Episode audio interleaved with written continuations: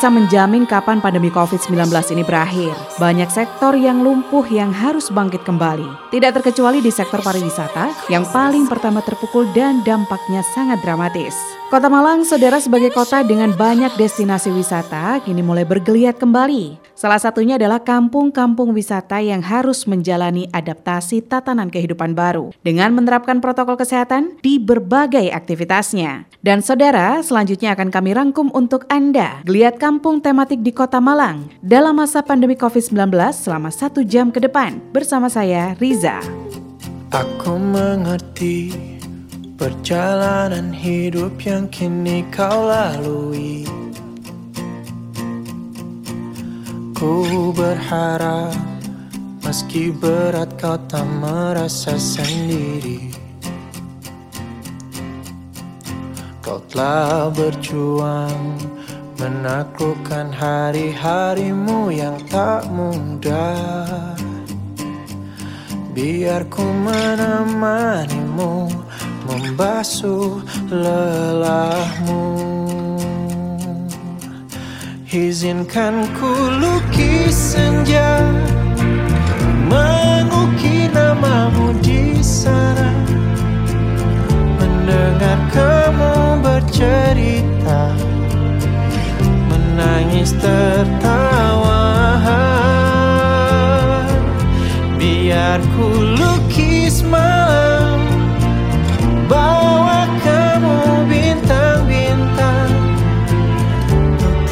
temanimu yang terluka Hingga kau bahagia. Aku di sini Walau letih coba lagi jangan berhenti. Ku berharap meski berat kau tak merasa sendiri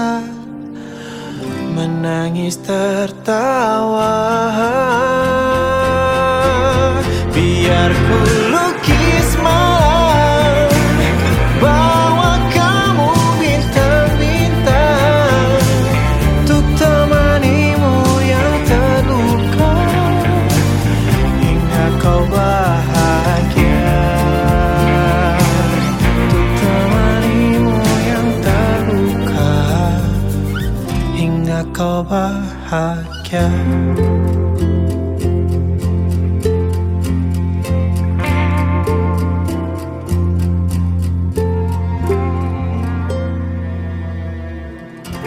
COVID-19 bukan hanya menyerang nyawa manusia, tapi juga masuk pada rontoknya perekonomian masyarakat di dunia.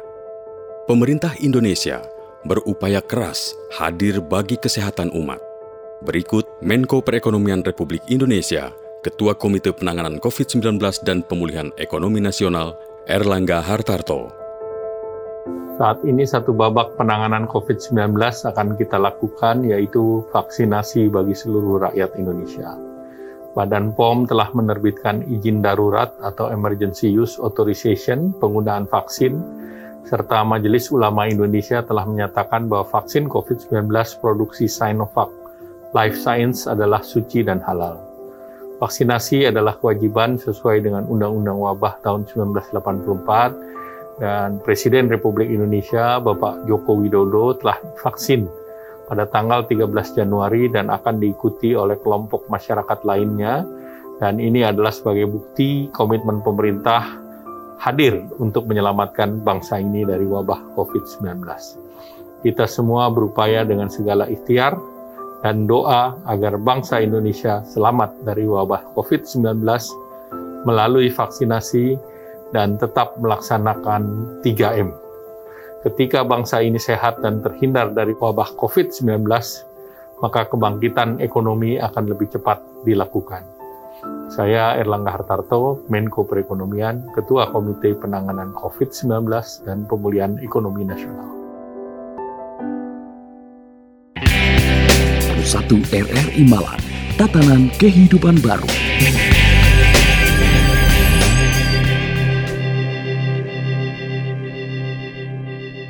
Kementerian Pekerjaan Umum dan Perumahan Rakyat atau PUPR melalui Dijen Cipta Karya bersama pemerintah daerah atau Pemda dan kelompok masyarakat melakukan perbaikan kualitas kawasan permukiman kumuh di berbagai wilayah di Indonesia. Salah satunya adalah di Jodipan, Kota Malang, Jawa Timur. Program yang dinamai Kota Tanpa Kumuh atau Kotaku diharapkan mampu mengubah wajah di kawasan yang dikenal sebagai Kampung Lampion yang tidak terawat. Ketua Kelompok Sadar Wisata atau Pokdarwis Jodipan mengatakan Kampung Lampion sudah diresmikan sebagai salah satu daerah wisata. Tapi kawasan itu mati suri pada 2018 karena kondisi lingkungan yang tidak bersih dan tidak terawat. Dengan banyaknya destinasi wisata lain, daerah itu langsung redup dan terlupakan. Sekarang, melalui program Kotaku, Kampung Lampion kembali dipoles. Adapun lingkup pengerjaannya berupa perbaikan saluran drainase, perbaikan jalan lingkungan, pembangunan septic tank biofil komunal, dan hibah gerobak sampah, serta motor pengangkut sampah untuk pengelolaan limbah. Total anggaran penataan lingkungan di salah satu kampung tematik di Malang ini mencapai 1 miliar yang berasal dari APBN. Dan saat ini, jalan sudah bersih, saluran drainase pun tertutup rapi. Bahkan dinding-dinding juga dihiasi berbagai ukiran. Semua pengerjaan program Kotaku melibatkan peran aktif seluruh warga mulai dari perencanaan hingga pelaksanaan dan perawatan. Dengan perbaikan dari program Kotaku, Kampung Lampion dapat kembali bersaing dengan kampung-kampung tematik lain yang ada di Malang dalam menarik minat wisatawan domestik ataupun mancanegara.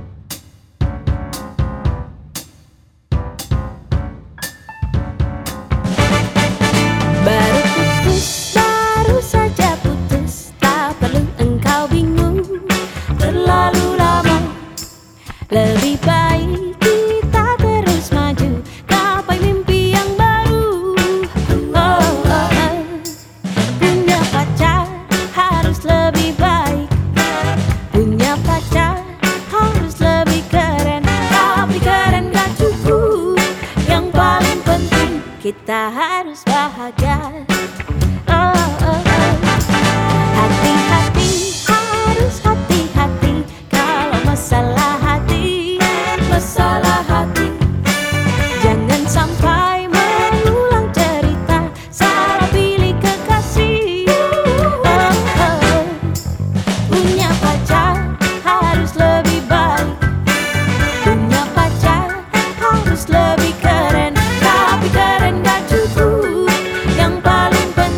kita harus bahagia.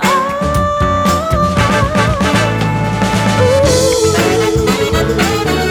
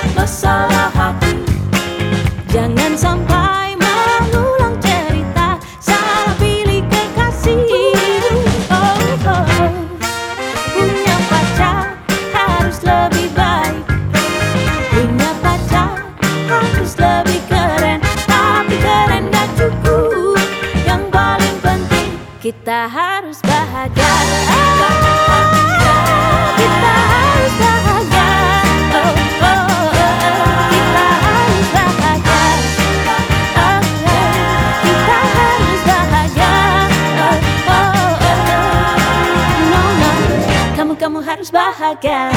Kamu, kamu harus bahagia. Kamu, kamu harus bahagia. Kamu, kamu harus bahagia.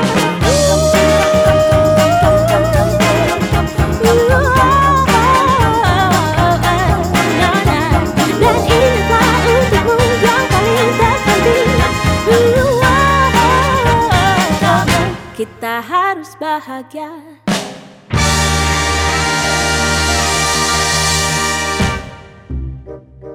Pak, Pak. Sampean iku lho, foto-foto, foto-foto tanaman ae. Mbok kono lho, Pak. Golek penggawean, golek kerjaan, Pak. Hmm, wis ta, kamu iki ojo rame ae. Kono lho, bikin-bikin kopi ta gorengan gitu lho. Wis, gak kopi-kopian. Gasih habis. berasnya habis, minyaknya habis, kuota anak sekolah yo habis, habis kabeh, Pak. Se ah, ini posisinya kudu pas. Nah, sip. Upload Facebook Monstera daun tiga lemu-lemu mangatus sewu. Culno bos. Sip.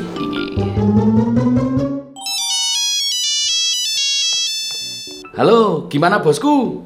Loh, ya ready lah bos 500 ribu nego tipis Hah? 450? Oke wis Tak antar barangnya sekarang ya bos Siap, wait, wait, wait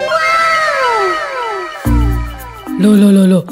Ini dapat bantuan pemerintah sembako ta, Pak? Kok banyak men ini duitnya? Jangan ngawur Ya ini olehku sedinoan moto-moto tanduran itu Sorry Bang Jago, ampun Bang Jago. 91,5 FM Kanal Inspirasi. Tidak hanya kesehatan fisik saja yang terjaga ketika kita memiliki lingkungan yang bersih. Dari situs halaman The United Nations Environment Program, lingkungan yang sehat memiliki manfaat yang sangat besar bagi kesehatan mental seseorang. Udara yang bersih, air yang bersih, banyaknya ruang hijau, dan sanitasi dapat meningkatkan kualitas hidup dan kesehatan mental seseorang. Dari jurnal American Heart Association, banyak menghabiskan waktu dengan lingkungan yang memiliki banyak ruang terbuka hijau bisa membantu kita untuk menurunkan tingkat kecemasan dan juga depresi. Hal ini sejalan dengan pelaksanaan program Kotaku yang juga akan mendukung pemerintah menciptakan lingkungan yang bersih, nyaman, dan menjadikan masyarakatnya sehat secara fisik dan mental. Seperti yang disampaikan oleh Isa Wahyudi SPSI, MPSI, Wakil Ketua Himpunan Psikologi Indonesia atau HIMSI, bersama dengan Arif Prasetyo ST, Koordinator Kota Program Kotaku Kota Malang, dalam Lintas Malang Siang, bersama Wisnu berikut ini. Pak Arif ini koordinatornya kota eh, program Kotaku ya untuk Kota Malang. Kotaku ini mendengar adalah kota tanpa kumuh. Benar. Jadi tugasnya Pak Arif ini tampaknya eh, beliau juga eh, harus sering-sering pergi ke mana-mana gitu yang ngeliatin masih ada yang kumuh nggak ya kira-kira ya gitu. Gimana eh, Pak Arif untuk eh, yang akan kita bahas di kesempatan kali ini nanti bisa eh, berbagi kepada masyarakat juga ya bareng sama Pak Isa. Kira-kira apa sih yang membuat eh, Kota Malang ini layak untuk disebut sebagai kota layak huni? Saya bilang layak disebut sebagai kota layak huni. Iya. Seperti itu. Monggo, siapa yang mau mengawali dulu? Mau sweet dulu silakan. mau apa dulu diumbulkan gitu juga nggak apa-apa. Jadi ini menarik sekali ya. Jadi kaitannya dengan apa? Bagaimana kota itu layak huni, kemudian bagaimana kota itu produktif dan berkelanjutan. Nah, cukup menarik dan sangat cocok ya dengan apa namanya dengan pembicaraan kita pada hari ini. Jadi memang salah satu upaya strategis ya. Jadi ada, ada salah satu upaya strategis dari program apa? Dari program Kotaku ini adalah dari Direktorat Jenderal Cipta Karya yang eh, saat ini dari Kementerian PUPR sebagai salah satu apa namanya upaya di dalam mendukung penanganan permukiman kumuh. Jadi selain menang- menangani permukiman kumuh juga menangani kaitannya dengan persoalan sanitasi, persoalan air limbah eh, sehingga di dalam pelaksanaannya itu sebenarnya kita menggunakan platform kolaborasi. Jadi kita itu eh, bekerja bergerak itu bukan hanya di level bawah saja, namun eh, pelaksanaan program ini mulai dari kolaborasi tingkat pusat, kemudian Mhm. dari provinsi, pemerintah kota, masyarakat itu semua dilibatkan dan menjadi eh, nahkoda di dalam program ini. Yang tujuannya salah satunya adalah eh, mewujudkan permukiman perkotaan yang layak huni, produktif dan berkelanjutan. Mau ditambahkan dulu Pak Isa? Baik, jadi sebenarnya bicara mengenai masalah kota layak huni ini ada setidaknya ada tujuh indikator ya yang disebut sebagai sebuah kota layak huni. Mhm. Yang pertama, sebagaimana yang tadi Pak Arief sampaikan bahwa di masyarakat kita, di kampung-kampung, ya, di kota, di kelurahan begitu ya, di tiap gang-gang itu memang semuanya harus mempunyai ketersediaan eh, kebutuhan dasar. Apa itu? Baik yang ada tinggal di perumahan atau kampung gitu kebutuhan dasar. Mm-mm. Nah kebutuhan dasar itu pasti ya kayak eh, jaringan eh, listrik, air bersih gitu Mm, ya, mhm. Eh, yang semuanya adalah layak. Sanitasi sebagaimana yang Pak Arif sampaikan itu tadi, itu semuanya eh, tersedia. Selain itu juga ketersediaan eh, pangan yang cukup. Nah, Hmm. itu penting ya. Eh, karena memang itu menyangkut soal kebutuhan-kebutuhan dasar. Tapi ketika di kota itu memang kita hari-hari ini tidak bisa tidak lagi meragukan pasti ketersediaan pangan itu cukup. Persoalannya adalah daya beli kan gitu kan. Ah. di masyarakat kan begitu. Itu dia. Nah, ketersediaan fasilitas umum ini yang dan fasilitas sosial itu yang juga tidak kalah penting. Jadi bukan hanya soal eh, ada sekolahan, terus kemudian fasilitas kesehatan eh, eh, yang eh, yang umum tempat eh, yang memang itu menjadi kebutuhan dasar manusia masyarakat di samping itu memang harus ada tersedia ruang publik yang menjadi wadah interaksi bagi masyarakat. Makanya eh, kampung-kampung ini memang eh, hari ini di kota Malang ya oh, luar biasa. Banyak sekali yang mengembangkan ketersediaan publik seperti taman seperti eh, sudut-sudut gang eh, tempat eh, ruang baca eh, peningkatan budaya literasi dan lain sebagainya. Itu adalah ketersediaan eh, publik. Keamanan keselamatan tentu menjadi eh, prioritas karena memang biasanya di kota memang eh, masyarakatnya juga beragam, maka kemudian eh, keamanan keselamatan eh, menjadi sesuatu yang penting gitu kan. Di beberapa itu pasti ada pos penjagaan dan sebagainya. Terus kemudian kualitas lingkungan itu yang menjadi eh, menarik bahwa indikator daripada kualitas lingkungan itu yang bagaimana? Lingkungan yang memang mendukung terhadap eh, semuanya. Dukungan fungsi sosial ekonomi budaya itu harus kemudian tersedia eh, di dalam masyarakat. Dan kemudian yang paling menarik di kota yang sebagai kota yang layak huni adalah tingkat partisipasi masyarakat. Nah, itu yang eh, harus tumbuh dan berkembang. Nah, kalau kemudian indikator ini semuanya tersedia, tercukupi dan lain sebagainya, tentu secara psikologis mampu mendukung terhadap perkembangan jiwa manusia, perkembangan mental masyarakatnya menjadi masyarakat-masyarakat yang tentu lebih produktif. Kira-kira begitu, Mas. Oke, jadi sekarang eh, secara langsung semua itu kalau sudah tersedia, Ya. ini eh, dalam psikologisnya tadi itu langsung bisa terpenuhi gitu ya. Ya, kira-kira begitu. Eh, tentu dia akan merasa aman, nyaman kan begitu. Eh, mentalnya tentu eh, menjadi eh, lebih produktif eh, sehingga dia mampu mengembangkan eh, kepribadiannya, mengembangkan eh, eh, apa namanya eh, komunitas masyarakatnya atau mengembangkan karirnya, mengembangkan minat bakatnya itu ada di situ. Nah, karena Oke. tersedia, fasilitasnya tersedia kan gitu loh. Hmm, soalnya udah ada semuanya, Ya. berarti apa yang dibutuhkan masyarakat itu ada, tinggal jalan saja. gitu. Secara teori begitu ya, secara, Secara teori. teori. Ya, nanti kita bicara buka praktek. Kak. Prakteknya bagaimana? Kita buka-bukaan nih gitu. Apalagi dengan Mas Arief ya, ini kotaku.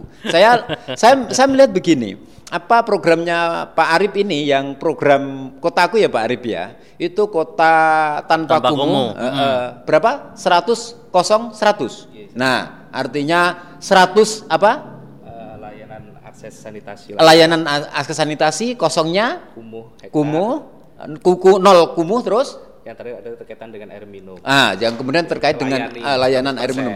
Kebutuhan dasar ini yang kemudian terpenuhi dan ternyata yang terjadi apa yang selama ini dibangun oleh eh, teman-teman program eh, kotaku ya Mhm. di tiap gang-gang, di tiap RW, bahkan ada yang sekupnya mungkin kecil ya, RT juga ya kan gitu ya. RT RW begitu ya. Ternyata ini luar biasa perubahan masyarakatnya.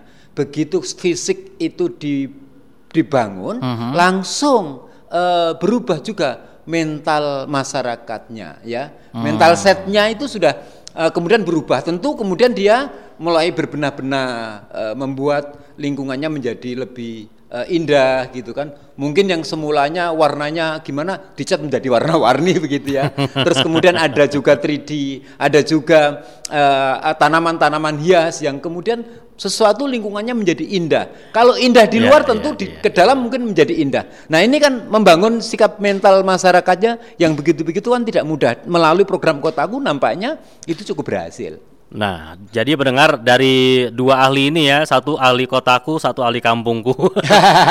ya saya ahli kampung deh. Orang kampung saya memang. Kayak satunya kan bikin kampung apa kampung apa gitu kan. iya, memang ya.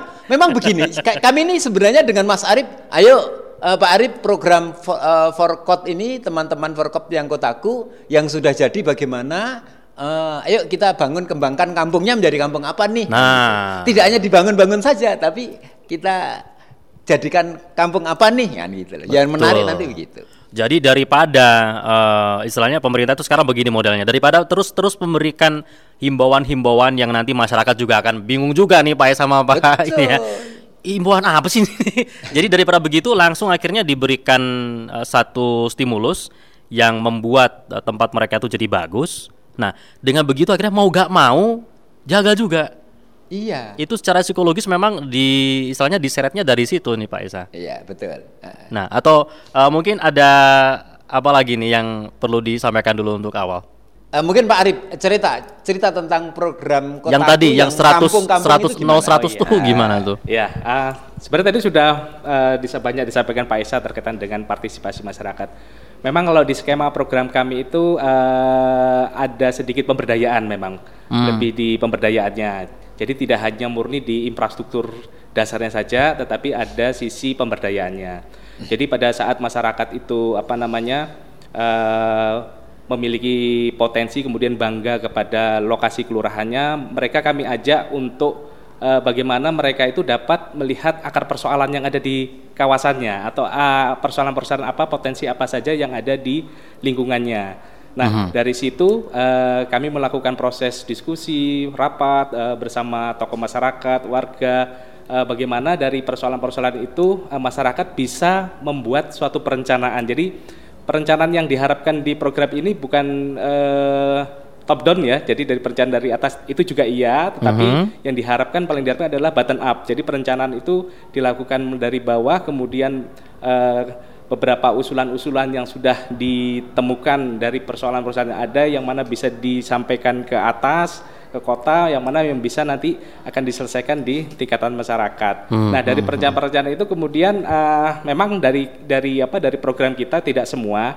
beberapa kelurahan memang mendapat dana stimulan eh, yang mana dana itu memang untuk eh, sebagai ini ya sebagai pemicu ya untuk menyelesaikan persoalan dasar mereka eh, di lingkungan itu. Nah, dari persoalan-persoalan yang telah ditangani itu baik secara infrastruktur maupun non infrastruktur tersebut kemudian bukan hanya sekedar eh, apa kondisi fisik yang sudah jadi itu jadi kemudian sudah selesai begitu saja tidak. Yang diharapkan juga dari program adalah bagaimana keberlanjutannya. Iya. Oke.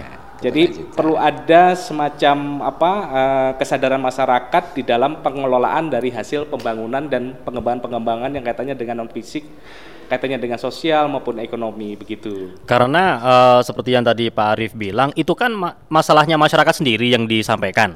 Jadi eh, mereka menyampaikan persoalan, terus kemudian juga akhirnya eh, dilakukan perencanaan dari bawah ke atas ya disampaikan begitu. Nah kemudian dari situlah eh, masyarakat juga harusnya bisa istilahnya lebih paham dengan permasalahan mereka sendiri, bisa menjaga. Pada akhirnya begitu Pak Arief ya.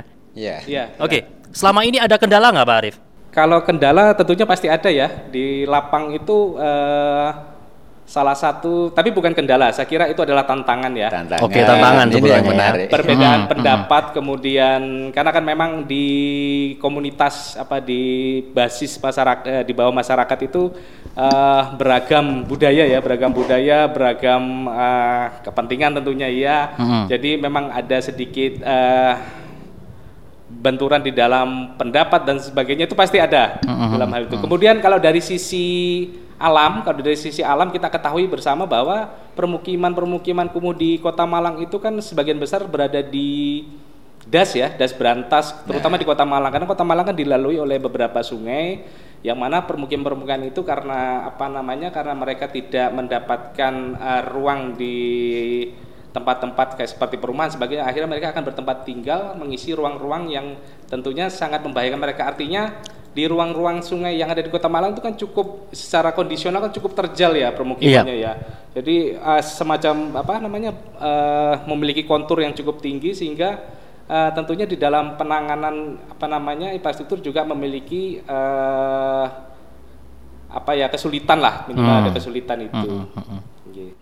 Oke, jadi eh, butuh penanganan lebih, istilahnya seperti itu ya, Pak Arif ya. Nah, Baik, Pak Isa. Ya. Di saat seperti ini kan juga apa ya seiring berta- berjalannya waktu itu jumlah penduduk misalnya yang datang ke Kota Malang juga pasti bertambah kan. Betul. Nah, ada yang memang eh, pindah keluar tapi yang bertambah juga pasti akan ada. Lebih banyak. Nah, lebih banyak yang yang masuk. lebih banyak Malang. yang masuk. Ini pasti akan muncul permasalahan baru kan. Betul. eh. Terus bagaimana? Apa sudah disiapkan untuk hal yang seperti ini? Baik. Jadi gini, eh, saya masih nyaw- coba nyambung sedikit dengan apa yang dilakukan oleh Pak Arif ya Mm-mm. tentang program kotaku. Eh, kalau dalam teori psikologi itu teori eh, stimulus respon, teorinya Hmm. Ivan Pavlov. Jadi begini, jadi Pak Arif itu yang kemudian memberikan stimulus Mm-mm. bahwa kemudian kampung-kampung yang kumuh ya dibangun, diperbaiki agar kemudian ya kebutuhan dasarnya lah ya terpenuhi gitu ya Pak Arif ya. Kemudian saya tinggal merespon Oke. bahwa kemudian kalau sudah dibangun sarana prasarana infrastruktur bahwa kebutuhan dasar terpenuhi ada fasilitas juga mulai tercukupi misalnya begitu Mm-mm. ketersediaan ruang publik ini yang kemudian harus kita kembangkan nah saya meresponnya adalah bagaimana memanfaatkan apa yang sudah dibangun itu menjadi ruang publik bagi tumbuh dan berkembangnya masyarakat kita kan begitu Iya. sehingga kemudian itu eh, menjadi layak untuk dihuni oleh masyarakat Hmm. untuk anak-anak menjadi area eh, bermain gitu kan menjadi eh, apa untuk eh, manula menjadi tempat untuk eh, mereka saling berbagi dan bercengkrama Hmm. kepada anak-anak muda misalnya menjadi tempat untuk co-working space misalnya seperti itu Oke. Nah, jadi kalau kemudian misalnya kampung-kampung ini memang dibangun di tiap kelurahan ada aja dua tiga eh, apa lokus-lokus yang memang itu luar biasa eh, menarik untuk kemudian dikembangkan, maka Hmm, kemudian ini menjadi kampung-kampung yang benar-benar eh, me- eh, menjadi yang yang layak huni. Nah, tentu bicara soal perkembangan kota bahwa kemudian eh, masyarakat tentu akan kerasan dan tinggal di situ dan kemudian menikmati eh, kehidupannya di situ. Ah, otomatis perputaran ekonomi, ya kegiatan sosial kemasyarakatan itu semuanya jalan, kan begitu. Mhm. Nah, problemnya adalah bahwa kemudian urbanisasi ini tidak bisa kita eh, bendung ya kan karena Iya. memang itu hak mereka untuk tinggal di mana itu hak mereka. Benar. Eh, karena itu maka kemudian mereka juga harus tinggal di tempat-tempat yang memang benar-benar layak.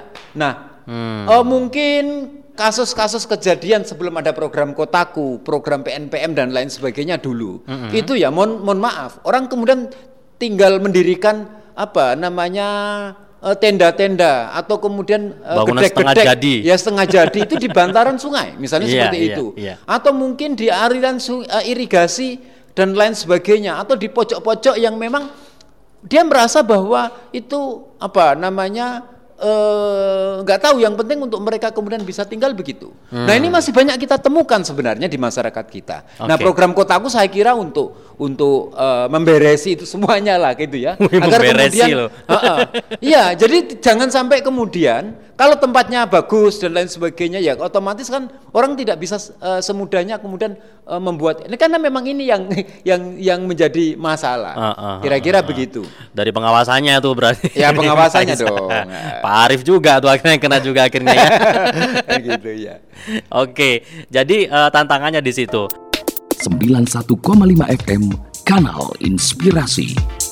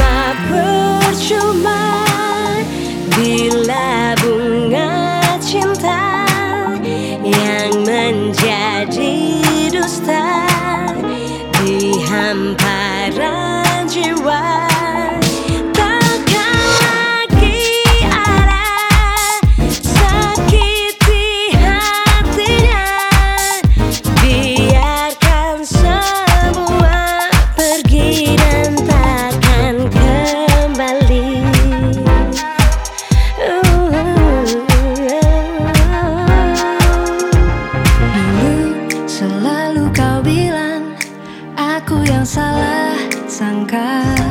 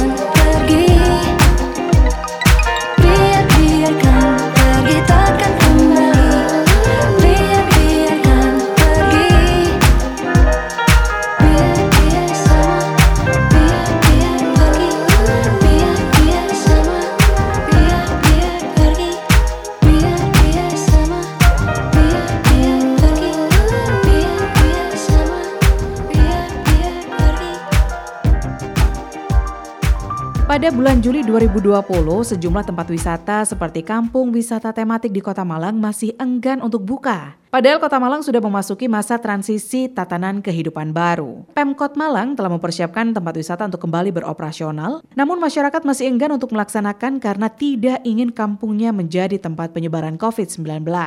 Dikarenakan banyak wisatawan yang datang dari luar Kota Malang. Seperti yang disampaikan tim liputan RRI Malang, Awang Sukmawan berikut ini. Wali Kota Malang Sutiaji berjanji akan menyanggupi permintaan dari warga yang tinggal di kampung tematik. Hal itu menyusul adanya keinginan dari warga wisata kampung tematik yang meminta sarana prasarana sebagai standar COVID-19 disediakan oleh Pemkot Malang. Namun, sebelum diberikan sarpras tersebut, Sutiaji bersama Dinas Pemuda dan Olahraga dan Pariwisata di Sporapar akan mengecek terlebih dahulu kesiap tempat wisata di Kota Malang, seperti menyiapkan sesuai protokol kesehatan dengan cuci tangan dan penyediaan hand sanitizer. Sedangkan alat termogan kemungkinannya juga bisa dipenuhi sebagai pengecekan awal di pintu masuk seperti di Kampung Heritage Kayu Tangan. Dan di sekian titik nanti harus juga ada tempat cuci tangan agar penyebarannya tidak terjadi di situ. Sutiaji menyampaikan bahwa dirinya tidak ingin kampung tematik di Kota Malang menjadi klaster penyebaran COVID-19 baru. Oleh karenanya, saat kampung tersebut dibuka harus disesuaikan dengan protokol kesehatan.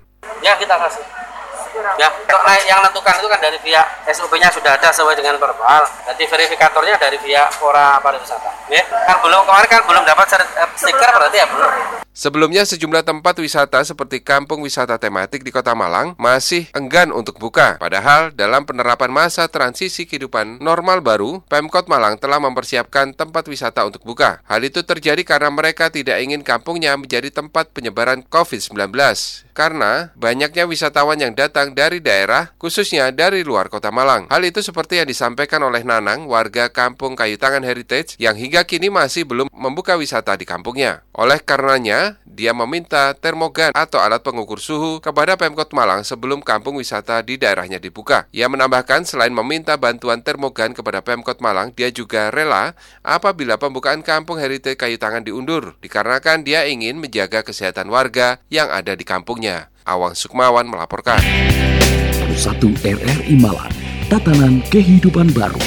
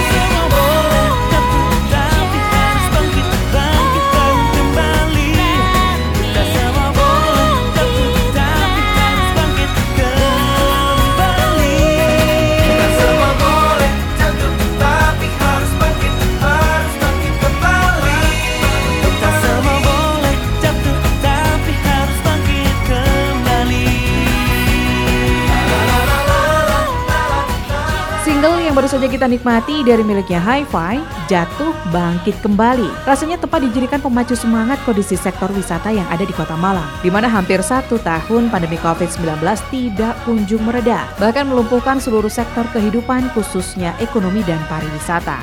Dua sektor ini saling terkait dan saling menghidupi. Kini, meski pandemi belum sepenuhnya mereda, industri pariwisata sudah mulai mencoba bangkit. Seperti halnya destinasi wisata Kampung Warna Jodipan atau KWJ. Kampung tematik bernuansa Brazil ini mulai berani membuka dan menerima kunjungan wisatawan. Persisnya sejak September 2020 yang lalu. Suasana kampung yang terletak di Das Berantas berangsur hidup. Sejumlah pedagang mulai menggelar lapak dagangannya kembali. Bahkan tampak para pengunjung yang kebanyakan anak muda asyik bersuah foto di jembatan kaca dan spot-spot lain yang disediakan. Sejumlah petugas juga ditempatkan di akses pintu masuk. Setiap pengunjung yang datang diarahkan untuk mencuci tangan, memakai masker, dan cek suhu tubuh. Di dalam kawasan, pengunjung pun dihimbau menjaga jarak dan tidak membuat kerumunan. Ketua Pembina KWW Jodipan Kota Malang mengatakan jika pihaknya menjumpai wisatawan dengan suhu tubuh di atas 37 derajat Celcius tidak akan diperkenankan masuk. Selain itu, pihaknya juga menerapkan pembatasan kuota jumlah wisatawan. Jika biasanya menerima 300 hingga 400 pengunjung per hari, kali ini akan dibatasi maksimal separuh kuota. Dibukanya kembali KWJ Jodipan sudah atas izin Wali Kota Malang. Pihak Disporapar juga sudah melakukan verifikasi penerapan protokol kesehatan. Meski begitu, sebenarnya masih ada sedikit kekhawatiran karena nanti ditakutkan pengunjung yang datang membawa virus atau carrier. Harapannya screening pengunjung dan penerapan protokol kesehatan cukup menekan hal tersebut. Sebagai informasi saudara, selain KWJ, kampung tematik di Kota Malang yang juga sudah membuka diri menerima kunjungan para wisatawan adalah Kampung 3D, Kampung Glintung Eater Street, Kampung Budaya Polowijen, dan juga Kampung Terapi Hijau. Membatasi penyebaran dan mengurangi dampak ekonomi akibat pandemi COVID-19 di Kota Malang, beberapa kampung tematik yang sebelumnya adalah salah satu tujuan wisata dirubah menjadi kampung tangguh. Swadaya yang dilakukan oleh masyarakat seperti menyiapkan bahan makanan pokok dan menyediakan lumbung hidup atau ketersediaan tanaman sayur-sayuran, ternak itik, dan kolam ikan menjadi konsep kampung tangguh di tengah pandemi. Terkait tentang pencegahan COVID-19,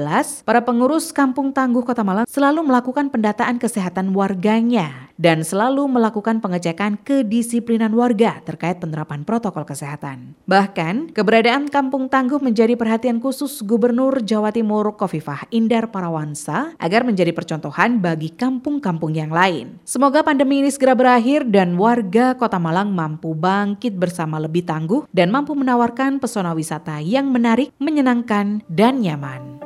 Saat aku sendiri Hanya kau yang mengerti Dunia tak pahami Sedalam yang kau teliti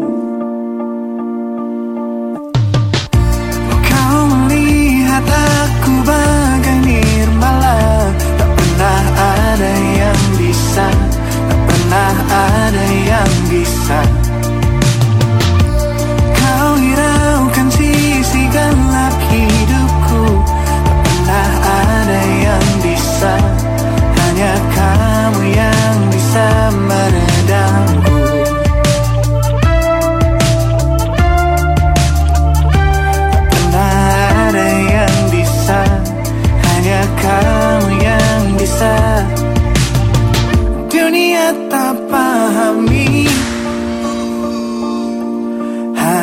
照样